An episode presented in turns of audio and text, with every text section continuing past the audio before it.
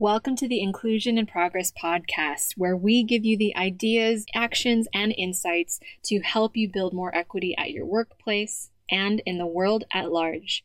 I'm your host, Kay Fabella, international expert on diversity, equity, and inclusion, a Filipino American living in Spain, and your guide in navigating this DEI journey.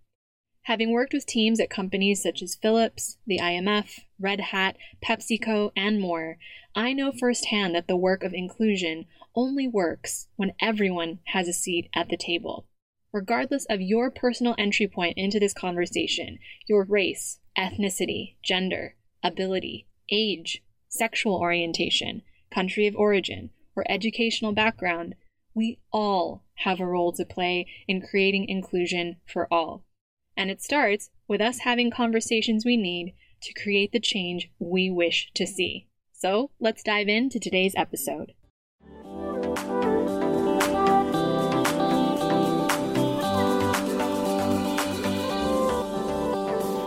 Welcome back to Inclusion in Progress. So, I'm going to dive right in to the elephant in the room, the new dreaded C word coronavirus, or as I've come to affectionately call it, just to make myself laugh, the Rona. At the time of this recording, we are now almost a week into the official COVID 19 lockdown in my adopted country of Spain. In fact, I was recently featured in a Forbes article alongside other diversity and inclusion experts where I shared transparently my experience and how my business has shifted to accommodate the current needs of my corporate clients. Everyone here is doing the best we can to adapt to this new normal, which is now expected to affect every country in the world. And it's scary, to be sure. But at the same time, I've been really encouraged because I've easily seen more creativity, more connection, and more resilience of the human spirit than I have in a long time. People checking in on their elderly neighbors, talented singers and instrumentalists having jam sessions from their balconies or DJ parties, entire apartment complexes having synchronized gym workouts, bingo sessions, hide and seek games as they shout to one another with their windows open. And every night, without fail, at 8 p.m., we all open our windows and cheer for the hardworking healthcare professionals at the front lines of this, and all of the other people who continue to keep our cities and the country running even while we're at home socially distancing. My husband laughs at me because I literally cry tears of joy every night when we do this. He's like, Really? Again? I can't help it. but if I'm going to be entirely honest, it's been a whirlwind few days as I watch how coronavirus has affected my adopted country of Spain, my home country of the US, and my parents' country of the Philippines, and obviously everyone in between. It's like all the emotions, all the feels, all the time. I've seen events canceled. I've seen families anxious and separated. I've seen companies dealing with temporary layoffs and scrambling to launch online verticals, and clients rolling out their work from home policies. A lot really feels like it's out of our control. But this is a moment also for solidarity with our families, with our neighbors, with our teams, with our communities, and most importantly, solidarity with the people who don't have the luxury of choice, whose lives literally depend on us making the right choices. The elderly, the immunocompromised, single parent households, the neurodiverse, immigrants, refugees, differently abled, and those without immediate access to healthcare. And isn't that what inclusion really boils down to? Because to me, inclusive leadership means taking this diversity and inclusion theory a step further and putting it into practice for our people and for our planet. Thinking of how each one of our actions has a ripple effect on one another. This coronavirus is proof of how much more connected we are than we realize. When we're dealing with so much overwhelm, the only thing that I can think to advise is we can start by focusing on things that we can control. whether it's washing our hands. There's a really fun TikTok dance for that, so definitely check that out. Calling out xenophobia or racism, or just checking up on each other as humans. Because even though our teams are no longer in the office together, we need to double down on our efforts for equality for all of our people. And underrepresented groups are going to need our support even more as inclusion driven companies. Since the World Health Organization officially confirmed coronavirus's pandemic status, tech giants like Amazon, Google, Twitter, all of them have encouraged remote work options for their employees for, of course, their health and safety. And it's not just tech companies, this is shaking up the way all organizations function, which, in the midst of a crisis, is giving us the opportunity to really rethink our flexible work policies to be truly inclusive for diverse teams. I've found that companies committed to diversity and inclusion often overlook the importance of flexible working policies until it's too late. This is really limiting any organization's capacity, not just to foster and retain your current employees, but also to attract top talent from other locations you wouldn't reach otherwise. Studies have shown that providing a comprehensive remote work policy has helped organizations experience 25% less employee turnover than companies that do not allow remote work, have 77% of employees report greater productivity when working remotely, and in the US alone, save up to an estimated $4.5 trillion per year as a direct result of moving to remote work by 2030 because of increased productivity, reducing fixed overhead costs, and increasing agility. And by 2030, the demand for remote work will increase by up to 30% when Generation Z fully enters the workforce. So, even the most forward thinking organizations are struggling, even with all of those facts and figures, to transition their global teams to work from home situations because they didn't consider an established flexible working protocol before. Not to mention, now companies have to deal with the productivity and inevitable communication challenges for employees who've never worked from home before which is why right now I'm helping clients with global teams continue to feel supported and included as they shift their teams to remote work for the next few weeks and help them navigate this new reality. So, if you're in the midst of transitioning your company to remote work, I can work with you by updating your remote work policy, working with your HR, legal, and finance teams to ensure everyone can safely, securely work from home when necessary, no matter what their role. I can also help you with creating virtual communication protocols.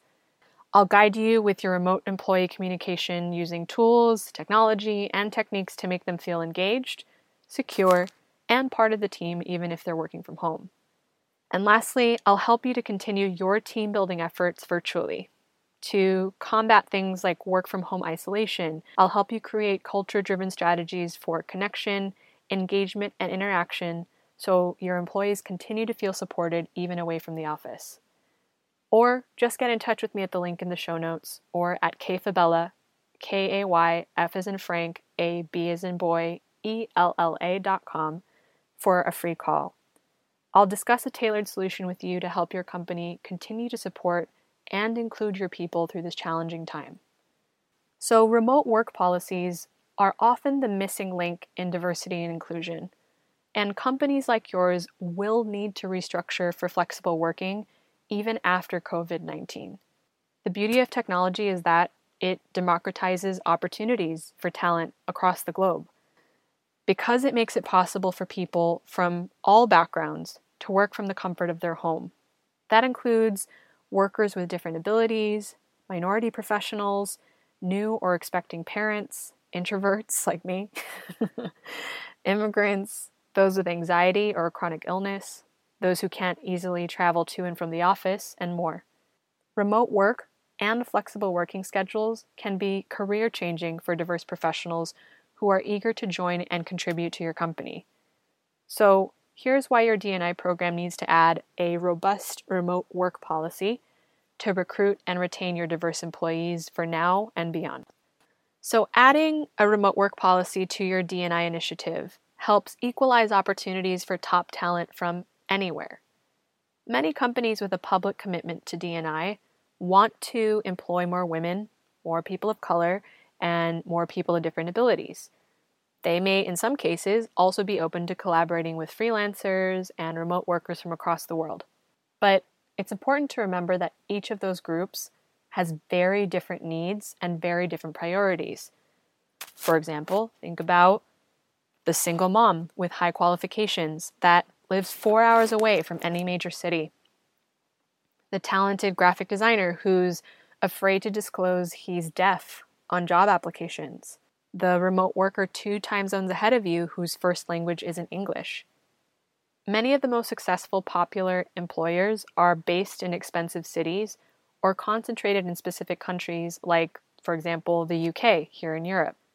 Not everyone is able or necessarily wants to move to those places, nor can many of them afford to do so. But with a strong remote work policy, top talent from across the globe can be included in the hiring process of your organization, where they could thrive and deliver great value to your company and your teams, no matter where they are or where they're from. Having this remote work policy in place, companies can more easily recruit workers from outside their primary locations cities, or countries. Remote work also helps you build more innovative teams. Offering flexible working at your company doesn't just allow you to hire outside of your traditional geographical profile, it also allows you to truly diversify your workforce by hiring outside of the typical employee profile you normally look for. For highly educated minorities living outside of your office's 30 mile radius, for people with ADD or ADHD, who would benefit from having less distractions at home, for women who are the primary caregivers for children and elderly family members, especially women of color. As the range of people you work with expands, the quality of your work and your innovation improves because you're able to conduct better market research, you can create better designs, you can draw from the various experiences of all of your diverse employees, all because you have more perspectives at the table. Another thing to consider is hiring highly skilled workers from countries like the Philippines, Kenya, Romania, and Colombia so that you can scale more easily and economically while working with talented workers who wouldn't otherwise have the opportunity. It's something I can definitely attest to as a business owner who's worked with remote workers from other countries before. And I can promise you, adding international points of view from around the world teaches you how to be productive and innovative and inclusive in a whole new way. Your company gets to benefit from the exchange of different life experiences, different languages, different backgrounds, and all that innovation happens when you bring a truly diverse team together.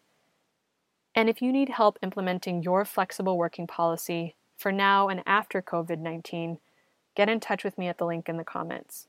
Let's talk about how we can create a D&I initiative that's truly inclusive by making remote work a critical priority and a systemic reality for your global teams. Last but not least, remote work encourages better work life balance to retain your existing employees. Flexible working helps you equalize opportunities to reach new talent from across the globe, as well as retain the employees you already have. Because studies have shown that employees value the ability to work remotely and are therefore more likely to leave when they don't have flexible working options. Before coronavirus, Many companies were hesitant to let employees work out of the office. The reason? Most traditional businesses believed that allowing your employees to work from home, where they're supposedly surrounded by distractions and not overseen by a manager, would result in less productivity. But study after study has found that employees with a flexible work policy are actually more productive than they are in a traditional office setting because you're free from distractions, from noise, from constant interruptions or phone calls, frequent meetings that, let's face it, not all of us need to be at, and even just the politics of a busy workplace. The majority of remote workers experience a boost in performance when they are left to their own devices working from home. And when you consider your employees with disabilities, the home environment actually provides them with access to their much needed medications and their assistance apparatuses So they spend more time focusing on the work they need to get done rather than stressing over how they'll get the work done. When workers were polled about why they'd prefer to have the option for remote work, studies found that alongside increasing productivity or better focus and avoiding commutes, been there, many employees also saw the benefit of flexible working to help them have a better family work life balance. Having this work life balance means your employees are also less likely to take sick days.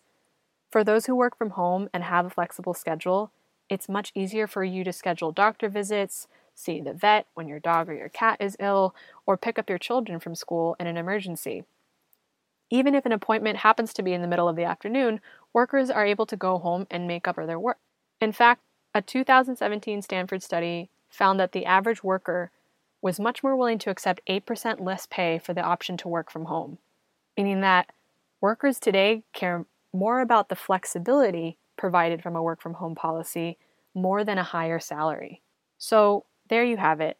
Why remote work is critical to your D&I initiative, and three reasons why having a strong flexible working policy in place will help you recruit and retain more top talent and build a truly diverse workforce.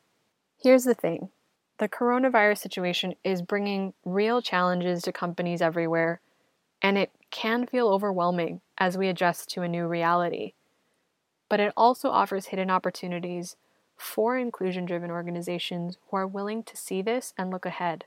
If you have a company where employees can work remotely, this may be the nudge that you need to update your policies and practices for the months and years to come.